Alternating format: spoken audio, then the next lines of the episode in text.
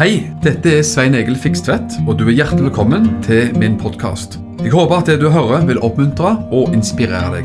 Ønsker du mer informasjon om arbeidet i drivet, så kan du gå til mission-alliance.org. Gud velsigne deg. Her er siste dagen ja, i denne serien om romerbrevet. Og eh, vi skal følge med på klokka. Den er nøyaktig kvart på åtte, så vi skal ikke falle i gamle synder og strekke tida veldig. Eh, veldig gøy å være her, og fint å se en seriegjeng, altså. Det var veldig bra.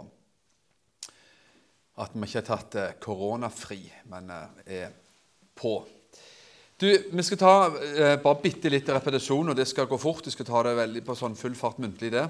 Ikke noe sånn, eh, men, men, for å dra linjene for det at det, Også i dag så får vi ikke tatt selvfølgelig ikke alle vers i Romerbrevet, eller i disse kapitlene. 12, 12-16. Det er jo fire kapitler. Det, det går ikke. Men, men eh, for å ta liksom, det store bildet i Romerbrevet, så er det jo sånn at det er den første delen av Romerbrevet eh, Der forteller Paulus at alle mennesker har synda og står uten ære for Gud. Menneskeheten er en eh, frafallen, ugudelig menneskehet som det ikke er håp for uten Jesus. Søndens lønn og døden sier vi også Bibelen da, et annet sted. Men, men alle mennesker har synda altså, og er håpløst fortapt uten Gud. Så går Paulus videre og sier at det fins ikke frelse verken i Moseloven, omskjærelse eller noe annet. faktisk. Bare gjennom Jesus, troen på Jesus. Så tar han da videre i kapittel 4 og 5 for eksempel, akkurat dette med det er troen på Jesus som frelser, og ikke noe annet. Og Så går han videre, og der eh, i eh, kapittel 6, 7 og 8 så snakker jo Paulus da videre om det nye livet i Kristus. For den som er da frelst, født på ny, forteller hvordan det nye livet fungerer, rett og slett. Ja, Også om, om kampen med vårt kjød, som Bibelen kaller det. Men, men Bibelen beskriver da spesielt i Roman 8 et veldig fint og seirende liv i Kristus Jesus. Og det er fantastisk å få lov til å være en ny skapning. Så ser man romerbrevet under ett, så ser man at det er en fantastisk liksom, sammenheng, en rød tråd, fra de, de første bladene, de første kapitlene, som er litt sånn dystre, da, for da forteller Paulus om dommen over menneskeheten. Og videre da, så går du mer mot frelse etter hvert. Det blir lysere og lysere og bedre og bedre. Og så, så var vi innom eh, Sist gang så var vi innom dette med Israel og jødene. Hvordan eh, Paulus ser på det, og hva Gud, Guds ord har å si. Hvor de kommer inn i eh, Guds frelsesplan. Det var liksom eh, kapittel 9-11. Og nå er det jo slutten i dag, da. Siste kapitlene. 12, 13, 14, 15 og 16. Det er jo all verdens mange kapitler. Og du skjønner jo at vi rekker ikke all verdens mye. Men vi tar litt sånn toppene, og så skal jeg stanse kanskje ved noen ting mer enn en, andre ting igjen. da. For det noen ting kjenner man fra før av, og noen ting er selvsagt, kanskje. Og så ser vi hvordan det går. Romerne 12. Vi skal i hvert fall lese noen vers, og så får vi ta det derfra.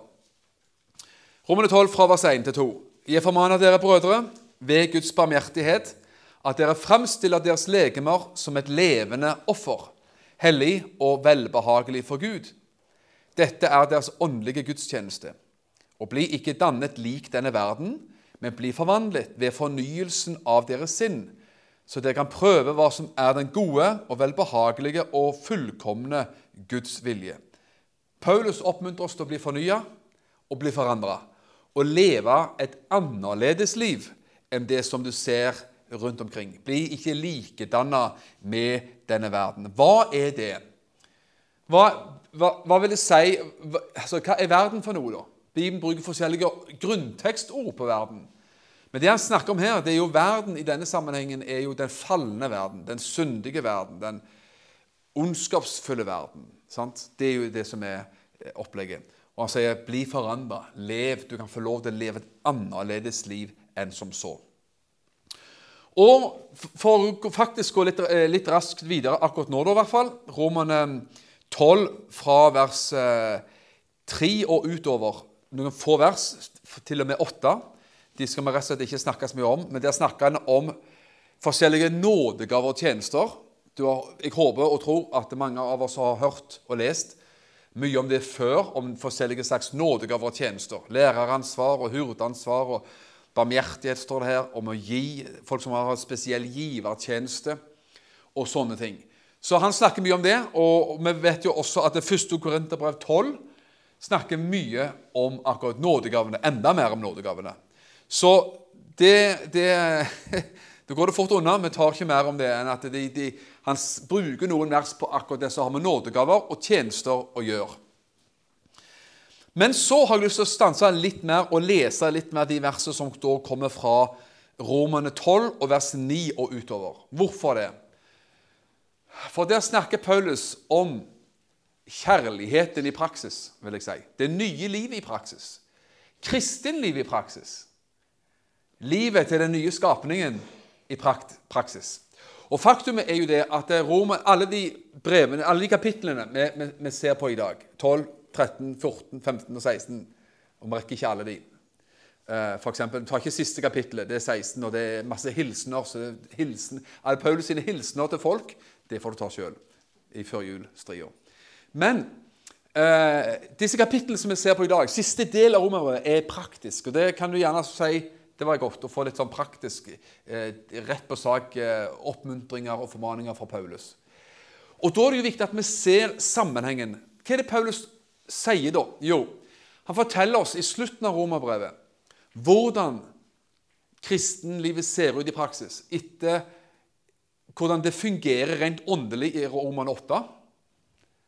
Det nye livet, livet i ånden. Og så sier han egentlig, hvis jeg skal legge min Sven Egil sin enkle tolkning på, så forteller han på slutten altså sånn ser det ut. Sånn ser det ut når det skal komme ut gjennom armer og bein og munnen vår og tankene våre i livet.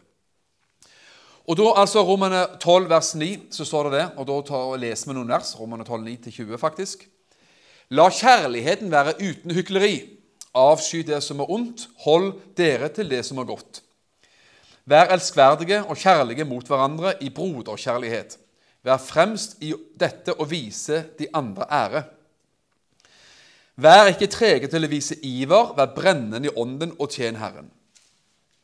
Vers 12.: Gled dere i håpet, vær tålmodige i trengselen og vær fast utholdende i bønnen. Altså masse sånne kjappe råd som han gir i hvert eneste vers her. Del ut, et, eh, eh, del ut ettersom de hellige trenger. Legg vind på gjestfrihet. Velsign dem som forfølger dere. Velsign og forbann ikke. Gled dere med dem som gleder seg, og gråt med dem som gråter. Altså, med, med, man, man, stiller opp for hverandre, man styrker hverandre. Vi fryder oss og gleder oss når det går hverandre godt, andre godt, og vi bærer byrden med mennesker og står med mennesker som ikke har det bra. Sagt på den måten. Vers 16.: Ha samme sinn overfor hverandre. Trakt ikke etter det høye, men hold dere gjerne til det lave. Vær ikke selvkloke. Gjengjeld ikke ondt med ondt. Legg vind på det som er godt overfor alle mennesker. Hvis det er mulig, så, så langt det står til dere, skal dere leve fredelig med alle mennesker. Dere kjære, ta ikke hevn selv, men gi heller rom for vreden. For det står skrevet:" Hevnen er min, 'Jeg vil gjengjelde', sier Herren. Altså overgi sånne ting til Gud. Derfor, hvis din fiende er sulten, gi mat. Hvis han er tørst, gi ham å drikke. For ved dette samler du glødende kull på hans hode. Det er jo et skriftsted fra Det gamle testamentet som Paulus tar med. Hvis vi skal oppsummere bare de versene der, så ser vi jo at det handler om kristenlivet praksis. Og det handler ekstremt mye om eh, vårt forhold til hverandre. Elsk hverandre, vær gjestfrie, tilgi osv. Altså, han bare kommer med sånne enkle liksom, utsagn og enkle skudd, kan du si, og sier at det, la det være sånn. Lev, lev, dette livet her, sier han. Og det er herlig at eh, vi har muligheten, og det er ikke bare et krav, om du vil, fordi Roman 8, hvis vi spoler tilbake til Roman 8, så er det sånn at Roman 8 forteller at uh, har, har fått de ressursene som skal til av Gud i det nye livet til å leve dette livet. Ikke fullkommen, for det er, ikke så mye her i tilværelsen som er fullkommen, men det går an å få lov til å vokse i det som Gud har for oss. Amen. Så tenk på det, at vi kan få lov til å leve det livet i tilgivelse, i kjærlighet, i gjestfrihet og alt det som vi leste. Så går vi videre til kapittel 13. Og hva er det da Paulus sier? Og Det syns jeg òg er interessant. For Paulus igjen er praktisk, og også forteller egentlig hvordan det nye livet ser ut i forhold til myndighetene, faktisk. Hvordan vårt liv Jeg føler det er en eller annen fantastisk eh, skurrete lyd. Er det bare meg eller den andre? Det er en pipelyd, ja. Så er det den eller den eller den. Ja, noen, noen uh, finner ut av det. Veldig bra. Det ble forsvant jo bare jeg bemerka det. Det er jo ikke verst. Ok. Um, kapittel 13. Og igjen, vi kan lese det, og så står dette her på egne bein, og det er ikke så mye mer å si fra Romene 13 og vers 1. Jeg skal ikke lese det engang. Jeg skal bare si at han sier jo at vi skal underordne oss de styrende myndigheter, sier han egentlig. Underordne dere under myndighetene. Betal skatt, sier han. Han har en liten sånn oppsummering. Vi kan ta vers 7. Romene 13, 7. Gi alle det dere skylder dem. Hm. Er du klar over det? Jeg tenker sånn at eh, å, å, fokusere på at mennesker skylder meg veldig mye, det er strevsomt. Folk skylder meg takknemlighet. Folk skylder å anerkjenne meg. Folk skylder å hjelpe meg. Folk skylder å velsigne meg. Folk skylder å be for meg. Da handler det om meg hele tida. Men Bibelen sier ikke det. Bibelen sier at jeg skylder å elske andre. Jeg skylder å gi det andre. Jeg skylder å tilgi. Det er jeg som skylder. Og Tenk hvis alle av oss kunne tenke sånn at det, det er ikke alle andre som skylder meg noe, og deg noe, men jeg skylder alle andre noe. Det var bra sagt. Hvis jeg skal si det sjøl. Vi skal lese vers 7 en gang til. Gi alle det dere skylder dem, står det. Du skylder Vi skal snakke mer om det. Skatt til den som skal ha skatt. Ok, kjære venn, ingen skattesnyteri. Toll til den som skal ha toll. Frykt den som skal vises frykt. Altså ærefrykt, ære, respekt for de som skal vises respekt, med andre ord. Og gi ære til den som skal ha ære. Og vet du hva? Alle mennesker kan man ære. Vi kan anerkjenne og hedre alle mennesker. Enhver av oss. For det bor noe godt i alle av oss. Hvorfor ikke alltid bemerke det så bra? Det som folk gjør godt, når noen er flink til noe, gjør noe bra.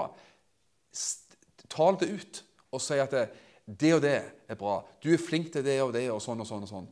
Og så lar du alt annet ligge, for det fins både gode og dårlige egenskaper i oss alle. La oss elske fram og tale fram, tale ut det som er positivt. Hva skjer da? Da dyrker du fram det. det du får vanligvis det da til å vokse opp enda mer. faktisk. Du, du liksom gjødsler og vanne de gode plantene i et menneske sitt liv. Ok, Så altså, la oss ære og ha denne holdningen i vårt liv at vi vil snakke godt om folk og godt til folk. Og så eh, Romerne 13, 8-10. Igjen Romerne 13, så, så snakker han spesielt om dette med kjærligheten. Og Det har han jo allerede gjort i kapittel 12 også, da, på forskjellige vis. Men så, så, så sikter Paulus det enda mer inn på dette med kjærlighet. Og da sier han, Romene 13, vers 8-10.: Bli ikke noen noe skyldig uten det å elske hverandre. For den som elsker sin neste, har oppfylt loven. Altså, hva skal vi være skyldig i å gjøre? Hva er, vår, hva er min skyldighet? Hva er det jeg si, plikt å gjøre? Å elske andre. Være glad i folk, elske folk, elske mennesker. Folk skylder ikke å elske meg, jeg skylder å elske folk. Det tror jeg er en veldig befriende og kanskje litt ansvarsfull tilnærming til livet. Og så står det forbudene, og det kjenner vi jo, det er blant annet de, ja, de, de ti bud. Forbudene du skal ikke drive hor, du skal ikke slå i hjel, du skal ikke stjele, du skal ikke vitne falskt, du skal ikke begjære, og hvilket annet bud du skulle være, blir alle sammenfattet i dette ord. Du skal elske det neste som deg selv. Og Det ordet har du hørt uh, fra Bibelen før, bl.a. av Herren Jesus. Elsk det neste som deg selv. Så sier Paulus kjærligheten gjør ikke nesten noe vondt. Kjærligheten er altså lovens oppfyllelse. Og det, Denne logikken er ikke vanskelig å, å, følge med på. Elsker vi mennesker, så stjeler du ikke. Elsker du mennesker, så lyver du ikke. Elsker du mennesker, så gjør du ikke vondt mot noen. Elsker du mennesker, så driver man ikke hor. Altså, Elsker man noen, elsker man mennesker, så gjør man ikke noe galt med noen. da. Ja, men Det var jo lettere sagt enn gjort. Ja, det var det jo. Men det må jo sies for det om. Og så vokser vi i det. Men derfor sier Paulus at i kjærligheten, hvis vi lever i kjærlighet, så er det oppfyllelsen av loven. Fordi alle ti bud kan oppsummeres i ett bud. Du skal elske det neste som deg selv. Og vi tar gjerne med det som Jesus sjøl sa da. Elsk Herren er Gud av hele ditt hjerte. Elsker Gud og elsker vår neste som sjøl. Tenk å, tenk å et, eh, etterstrebe det og oppmuntre hverandre til det. At man er en sånn person som jobber med det. Vokser i det. Ikke er fullkommen i det. Eller sikkert kanskje mange ganger også faller, eh, faller liksom og kommer til kort i de tingene her. Men likevel stadig får, får lov til å oppleve at vi vokser i dette. Elsker vår neste, tilgir vår neste og tenker det beste om vår neste. Slutten Ikke for, for å liksom Hva skal vi si eh, Vi må hoppe over noe, rett og slett. Så Derfor så hopper vi over resten av Romerbrevet 13 der. Så skal vi gå til kapittel 14. Fordi de, de, slutten av Romerbrevet det må du bare lese sjøl og bli happy og salig på det. Men Romerne 14 har jeg lyst til å dele kanskje mest av alt med, faktisk. Og ta liksom god tid på det. Og lese kanskje mm, det meste. For det, det, er kanskje kapittel som man trenger å skjønne. Men også her ser vi dette med kjærligheten. For det handler om kjærlighetslivet, den kristnes kjærlighetsliv. Hvordan kjærlighetens lov ser ut i praksis. Og det som er bakgrunnen her Nå nå snakker Paulus om noen ting i Romerbrevet som er interessant, og vi skal lese det. Men det han snakker om, han snakker om to-tre ting. Og det er kulturelle ting. Kultur. Fordi han snakker om å spise spising, rett og slett. Altså spise, spisevaner Ikke spisevaner, det blir feil. Altså det som har med kosthold i forhold til kultur og tro. Med tanke på den jødiske kulturen. Altså om spising og drikking og høytider. Feiring av høytider. Og Det som er bakgrunnen her, det er at i Rom så var det folk som var vel frelst av jøder og av hedninger. Og disse skulle leve sammen under samme tak. Hva gjorde de? Jo, de brakte med seg forskjellige kulturer. Den jødiske kulturen og troen og alt har vi jo i Bibelen, så det er ikke vanskelig å finne fram til den. Og så hadde man den hedenske kulturen, som bestod, hadde bestått av, og bestod av utrolig mye rart. Avgudsdyrkelse så det holdt. Og så, videre. og så skal liksom nyfrelste jøder og nyfrelste hedninger da, finne veien og livet sammen. Sameksistens i Guds rike. Det er interessant for oss også i dag. Selv om vi i dag i, her i eh, området ikke akkurat gjerne eh, liksom, bor vegg i vegg med jødisk kultur, det, men likevel så har vi massevis å lære av dette. Av respekt av det hvordan vi skal finne en god vei på mange mange områder. Men dette handler altså om sånne ting. Da leser vi Romerne 14 eh, fra vers 1. Og Så kommenterer jeg litt underveis, og så, så går det greit. Dere skal ta dere av den som er svak i troen, men ikke for å sette dere til doms over for forskjellige meninger, står det. Ikke sette dere til doms over forskjellige meninger. Det som er viktig å si, da, som jeg gjentar enda en gang, da, dette handler jo om kultur, spising, spising og drikking og høytider. Det som noen gjør i vår tid, det er at man putter f.eks. Eh, samlivsetikk inn i dette her, og sier at eh, dette her kan du bruke på alle områder eh, i, i troen. Men det kan man selvfølgelig ikke gjøre sånn uten videre. Så står det vers 2.: For den enes tro gjør at han kan spise alt, men den som er svak, spiser bare grønnsaker. Så er du her altså så bare spiser grønnsaker, så er du svak i troen. Ok, Vi får lov til å skøye litt med dette her, da. Eh, man, får, man, må få lov til å gjøre det. Eh, for dere er jo vegetarianere og sånt, og vi skal ikke mobbe de, og vi, vi sier dette med glimt i øyet, som du forhåpentligvis skjønner.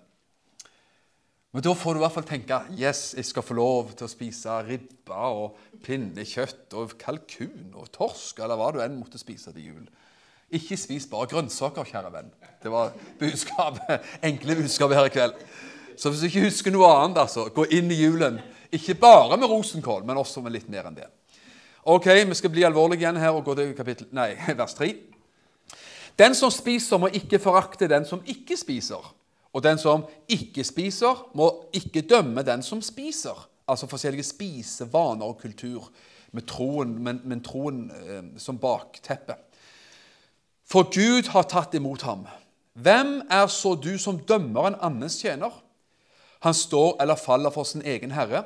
Sannelig, han skal bli stående, for Gud er mektig til å holde ham oppe. Én setter én dag høyere enn en annen. Den andre holder alle dager for å være like. Og så sier Paulus enkelt enhver av dem må bare være fullt overbevist i sin eget sinn. Om høytider, om spising og drikking og liksom de, disse kulturelle tingene, så sier han vet du hva, du kan få lov til å velge det du vil. Altså Vær overbevist overfor eh, eh, Ha den overbevisning framfor Gud. Det er det han sier. Tenk det. Enhver må være fullt overbevist i sitt eget sinn. Og som sagt, Dette handler for å ta med ting som er aktuelt i vår tid. Dette venner, handler faktisk ikke om samlivsetikk, men om spising og drikking og høytider. Vers 6. Den som tar vare på en bestemt dag, gjør det for Herren. Og den som ikke tar vare på en bestemt dag, gjør det for Herren. Tenk det. Begge deler gjør det for Gud. Du gjør det som en pakt eller samvittighetssak mellom deg og Gud, en del av disse tingene her. Skal vi se, Hvor er vi nå? Henne? Eh, ja, vi hopper midt inn i vers 6. Den som spiser, spiser Herren, ja, for han gir takk til Gud. Og den som ikke spiser, gjør det for Herren og gir Gud takk. For ingen av oss lever for seg selv, og ingen dør for seg selv. For når vi lever, lever vi for Herren, og når vi dør, så dør vi for Herren. Derfor, enten vi lever eller dør, hører vi Herren til. Det er jo befriende. Tenk å ha den hvilen, da. Vi lever for Herren, og vi dør for Herren. Det er fantastisk. Vi hører Herren til, og det, det, er, jo, eh, det er jo trygghet. Det er trygghet virkelig på høyt plan. Vers 9. Derfor døde jo Kristus, sto opp og var levende igjen, for at han skulle være herre både over døde og levende. Men hvorfor dømmer du din bror, sier han? Eller hvorfor viser du forakt for din bror? Og det må vi jo vi òg, kjære venner, eh, la det være litt ransakende på oss hvis vi gjør det. Hvorfor dømmer du din bror, eller hvorfor viser du forakt for din bror? For vi skal alle stilles fram for Kristi domstol. Hva er Kristi domstol, bare som en parentes? Det er at vi troende en dag skal stå foran Jesus og få lønn, få belønning, få ros og belønning for det livet vi levde som kristne her på jord. Det er ikke en dom for ufrelste. De kommer ikke fram for Kristi domstol. Men den troende skal en dag stilles fram for Kristi domstol, og vi skal få belønning for, ut fra det livet vi levde som troende. Og Da handler det ikke om at du og meg skal prøve å bli som Billy Graham for eksempel, og tro at det er veien. Veien er for oss å være lydig mot det Gud kalte oss. Er du enig i det? Veien er ikke å kopiere noen. Veien er å være det som Gud ville vi skulle være. Vers 11. For det står skrevet, så sant jeg lever, sier Herren, for meg skal hvert kne bøye seg, og hver tunge skal bekjenne for Gud. Framfor Gud skal da enhver av oss avlegge regnskap for seg selv. Så på disse områdene så er det noe befriende og noe avslappende med å tenke på at eh, jeg står til regnskap for Gud med mitt liv, hvordan jeg levde mitt liv.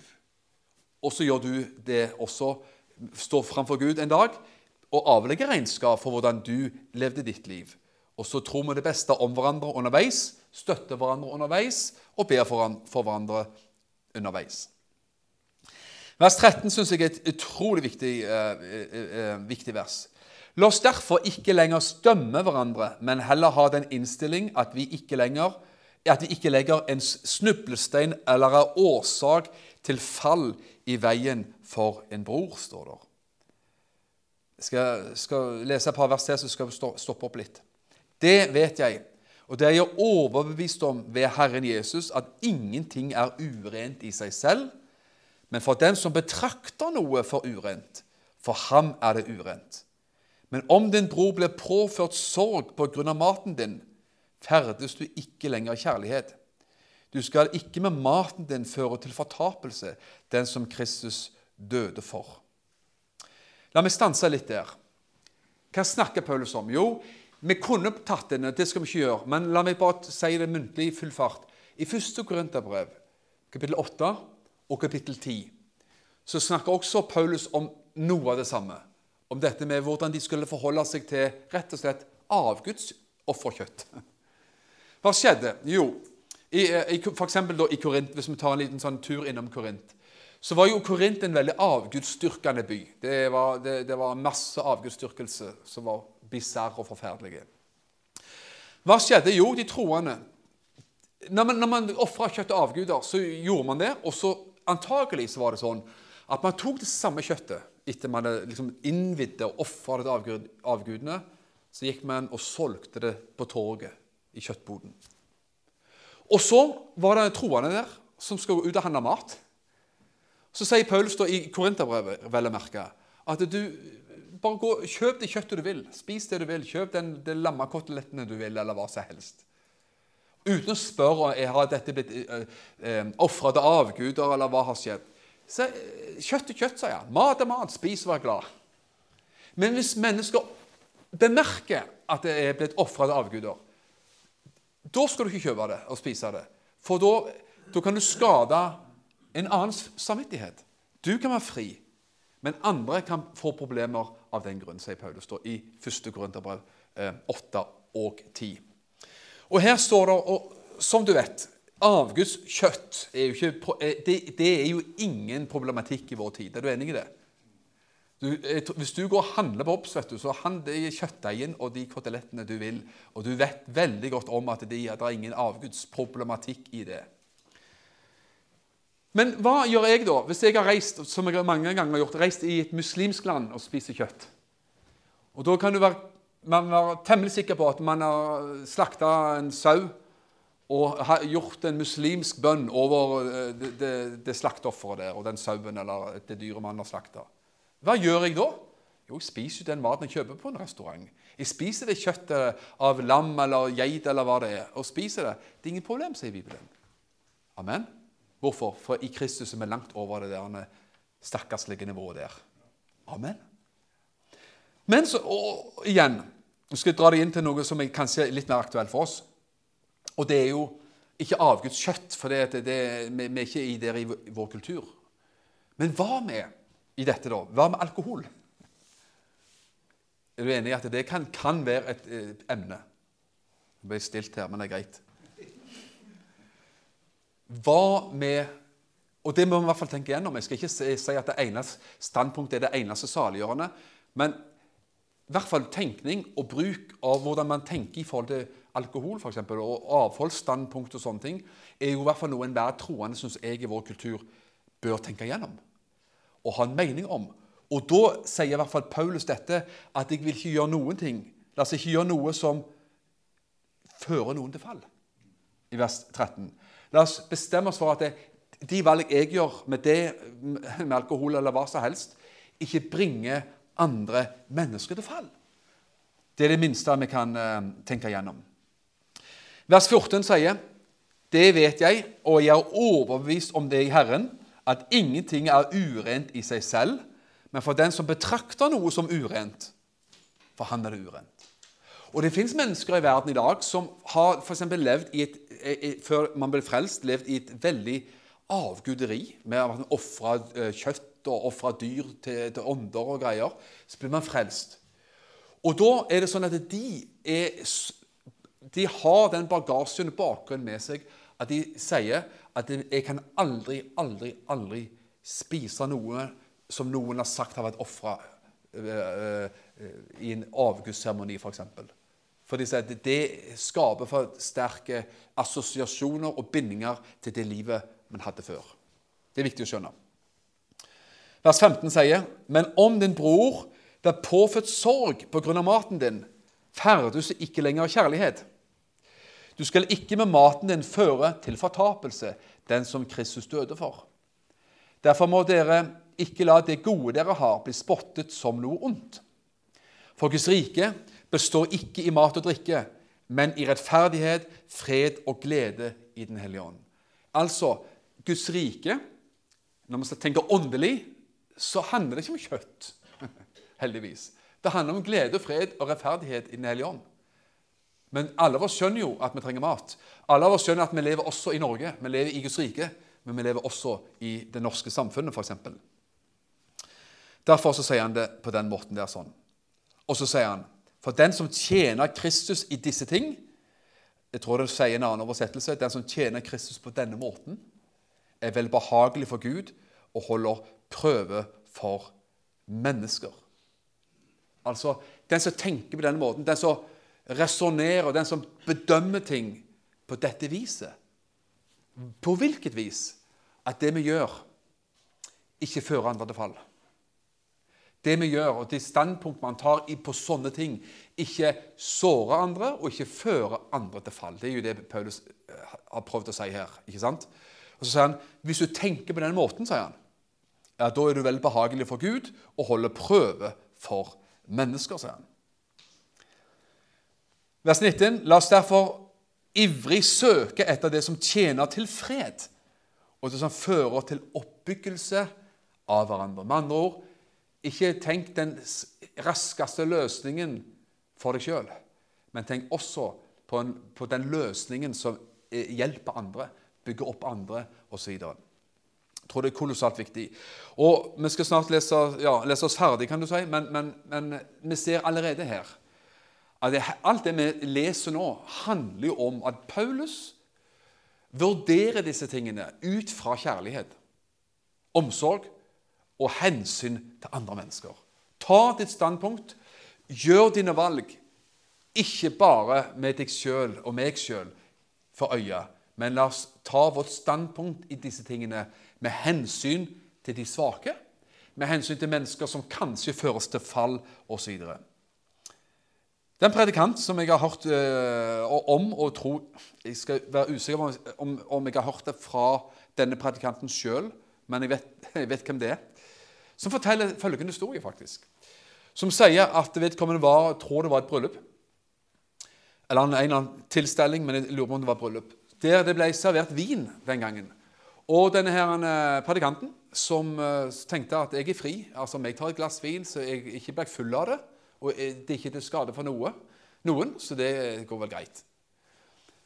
Så var det faktisk i samme bryllup eh, en tørrlagt alkoholiker nyfrelst eller gammelfrelst, men en som hadde kommet ut av alkoholmisbruk.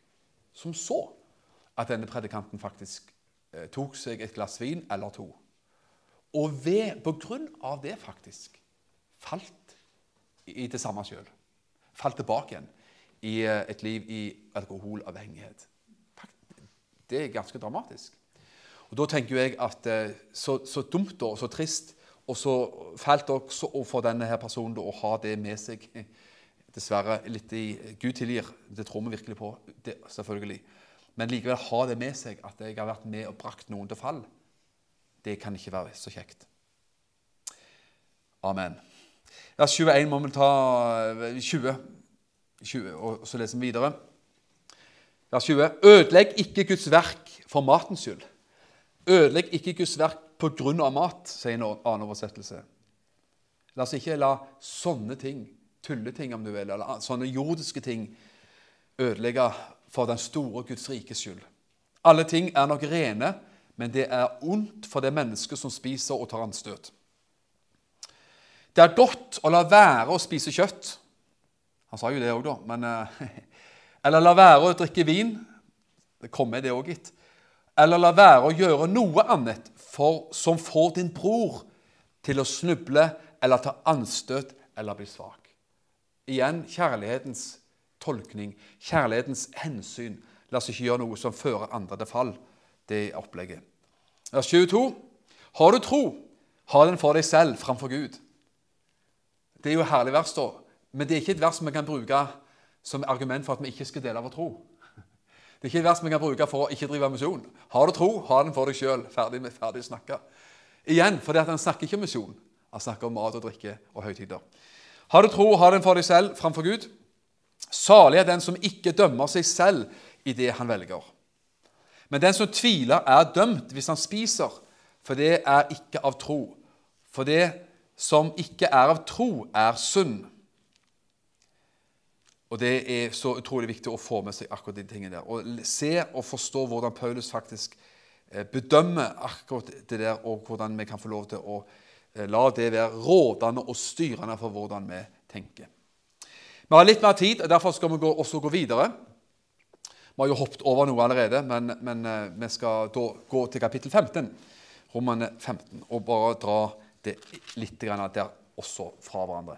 Også der så snakker Paulus, han fortsetter litt, og så snakker han igjen dette med denne sameksistensen som da var den gangen, mellom jødekristne, for å kalle det det, altså jøder som kom til å tro på Jesus, og hedningekristne.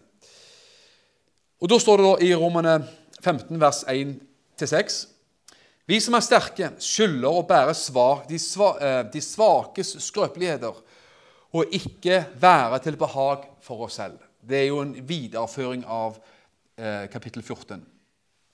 Hver av oss skal være til behag for nesten, til hans beste, for det fører til oppbyggelse. Du vet at det, De tingene som Paulus sier her nå, både i kapittel 14 og det vi leser nå i kapittel 15, det strider jo ganske mye egentlig mot den tenkningen som finnes i vårt samfunn. For vårt samfunn dyrker mer og mer det at det, hvis det er rett for du, hvis det er rett for deg, hvis du føler at det er rett, så er det greit. Sant? Altså Alle kan bedømme ting fullstendig individuelt. Men her sier Paulus at tenk ikke bare på det, tenk også på hva som er gagner, og hva som er gledelig og godt, også for de som er rundt omkring deg. Vers 3 sier, For heller ikke Kristus behaget seg selv, men som det så skrevet, spotten fra dem som spottet deg, falt på meg. For alt det som før ble skrevet, ble skrevet til vår lærdom, for at vi skal ha håp med den tålmodighet og trøst som Skriftene gir. Også det verset er interessant, for Paulus sier at det som før har blitt skrevet, gjelder for oss og har mye å fortelle oss. Du vet at eh, når Paulus skrev romerbrevet, så hadde ikke de kristne et, liksom et Nytestamentet. Det var under skriving, naturligvis. Hva mener Paulus i denne sammenheng med skriftene? Han sier absolutt at hans egne brever regner han, hvis vi ser andre steder i Bibelen, at han legger sine egne brev veldig veldig stor tyngde. Og sier jo at det jeg skriver, er, er, er ord og bud fra Gud. Så Det trodde han Paulus på, og det gjør vi også. Men generelt så sier Paulus på dette tidspunktet, når han sier at vi skal finne håp og trøst fra Skriftene, så snakker Paulus om Det gamle testamentet, faktisk. Det de hadde av skrifter den gangen, og det var jo de gammeltestamentlige skriftene, naturligvis. Derfor, kjære venner, kan vi også bruke selvfølgelig Gammeltestamentet, tro på det, lese det og skjønne hva det eh, forteller om. Og veldig mye av det forteller jo selvfølgelig om Jesus. det er klart. Vers 5. Må så tålmodighetens og trøstens Gud gir dere å ha samme sinnelag innbyrdes i samsvar med det som er i Kristus Jesus. Så dere med ett og samme sinnelag og med én munn også kan ære Gud og vår Herre Jesu Kristi Far. Hva er det Paul Vi skal heller lese vers 7 også, og litt sånn, så skal jeg heller si noe. Ta derfor imot hverandre, slik Kristus også tok imot oss til Guds ære. Hvem er disse her hverandre i denne sammenhengen? I denne sammenhengen er det jo jøder og hedninger, faktisk. Ta imot hverandre. Aksepter hverandre. Eh, eh, lev med hverandre som, som, kristne under samme tak. Det han sier. Også dette med i vers 6 så sier han om å ha samme sinnelag og, og sånne ting. Hvem snakker han om? Han snakker jo selvfølgelig om, om alle, men også spesifikt om dette med jøder og hedninger i, i, i den kristne menigheten. Og så sier han i vers 8.: eh, For jeg sier at Kristus, Jesus, Kristus er blitt en tjener for de omskårne, altså jødene, for Guds sannhets skyld, slik at de løftene som ble gitt til fedrene, kunne bli stadfestet. Og slik at hedningene kunne ære Gud for hans miskunn, slik det står skrevet, derfor vil jeg bekjenne deg blant hedningene og lovsynge ditt navn. Og så snakker han igjen dette med jøder og hedninger og den, den, eh, den enheten som han snakker om akkurat der. Ok? Jeg har lyst til å snakke eh, hopp, Vi hopper jo litt og følger med på klokka også. Vers 18, så vi, vi, vi tar en liten sånn hopp. Vers 18 så sier Paulus.: Jeg våger ikke å snakke om noe annet enn det Kristus har virket ved meg, i ord og gjerning, for å føre hedningfolkene til lydighet. I kraftige tegn og under, i Guds åndskraft, slik at jeg fra Jerusalem og helt til Illyria fullt ut har forkynt Kristi evangelium. Slik har jeg satt meg en ære i å forkynne evangeliet, der Kristi navn ikke før var, kjent, eh, før var nevnt, så jeg ikke skulle bygge på en grunnvoll som en annen hadde lagt. Her ser vi også hvordan Paulus Litt om hans tjeneste. Han sier det at jeg, for hans del så vil ikke han forkynne evangeliet der andre hadde vært før han. Andre hadde kommet med, med evangeliet. Han tenkte liksom at det er jo bare det, det er smør på flesk. altså. Det, det, er liksom bare å holde på å gi evangeliet, samme evangelium til de samme folka. Så han tenkte jeg vil gå til nye områder hele tida. Paulus en apostel. Han var en pioner, og han ville stadig bare nå nye områder.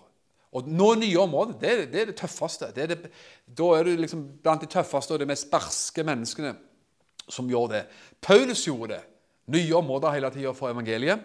Og så sier han for å bringe hedningfolkene til lydighet. Til at det folk skal bli frelst. Og så sier han det har skjedd i kraftige tegn under, vers 19. I Guds åndskraft, slik at eh, jeg fra Jerusalem og helt til Illyria fullt ut har forkynt evangeliet. Altså, for at evangeliet skal slå rot og berøre mennesker sterkt nok, så er det så viktig at mennesker også får oppleve tegn under. Helbredelser. Mirakler. For det er noe som kan liksom, hva skal vi si, komme inn og, og bli overbevisende nok for en muslim eller for en hindu hva er det? Er det bare at vi, har, vi sier, står framfor noen og sier 'Dette er Guds ord'? Men så sier, så sier muslimen nei, det er det aldeles ikke. Koranen er Guds ord. Så de vifter med Koranen, og så sitter vi og vifter med Bibelen. Så sier nei, det, det, det, er jo dette som er Guds ord. Hallo! Nei, det sier muslimen. Det er det aldeles ikke. Det er jo dette som er Guds ord, som er Guds ord, sier de. Så peker de på Koranen. Hva, hvordan skal man kunne overbevise mennesker? Det man ser overalt, egentlig, det er jo det at eh, det som gjør forandring i mennesker, og det at mennesker andre steder er villig til å bytte tro Man er villig til og med til å bli forakta og kasta ut av familien sin. Hvorfor, hvorfor skjer det? Hvorfor eh, er man villig til å betale en så blodig pris? Det skjer ikke av at noen er bedre i å argumentere for Bibelen enn noen skulle være med å argumentere for Koranen. Det skjer på sterkere vis. Gud berører mennesker, Gud forandrer mennesker, Gud helbreder, Gud utfrir fra demoner.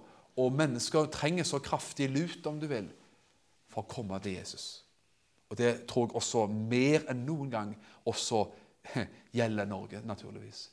For det er ikke argumentasjon, og at man klarer å overbevise så godt man kan ved å argumentere. Det må noe mye mye kraftigere og noe mye mye sterkere enn som så.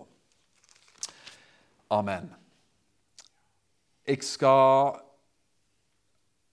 avslutte her og nå. Det er ikke til å tro. Det er et mirakel. Du har vært, vært vitne til et under her i dag. Halleluja. Vi, vi, kunne jo holdt på en time til, en halvtime til, til, men det skal vi ikke gjøre. for at eh, vi har tatt de viktigste tingene. Som du skjønner her i dag, så var det viktigst for meg kanskje å snakke om Romerne 12, dette med kjærlighet i praksis.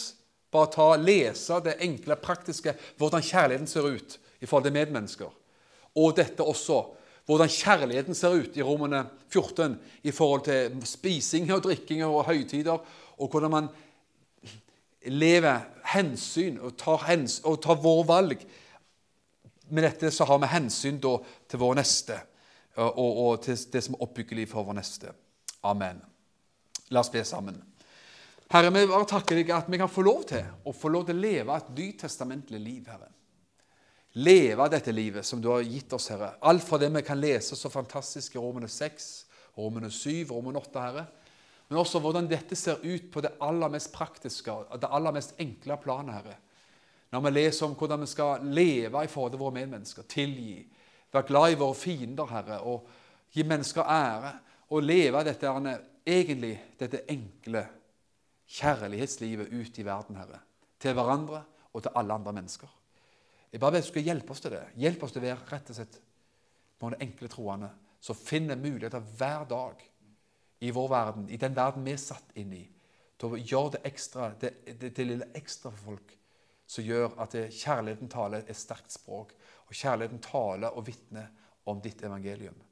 Jeg takker deg for det i Jesu navn. Far i himmelen, du ser vår hverdag, den enkeltes jobb, der man er plassert her på kontor, eller på skole, eller på sykehus, eller i butikk, eller hvor man nå enn er plassert.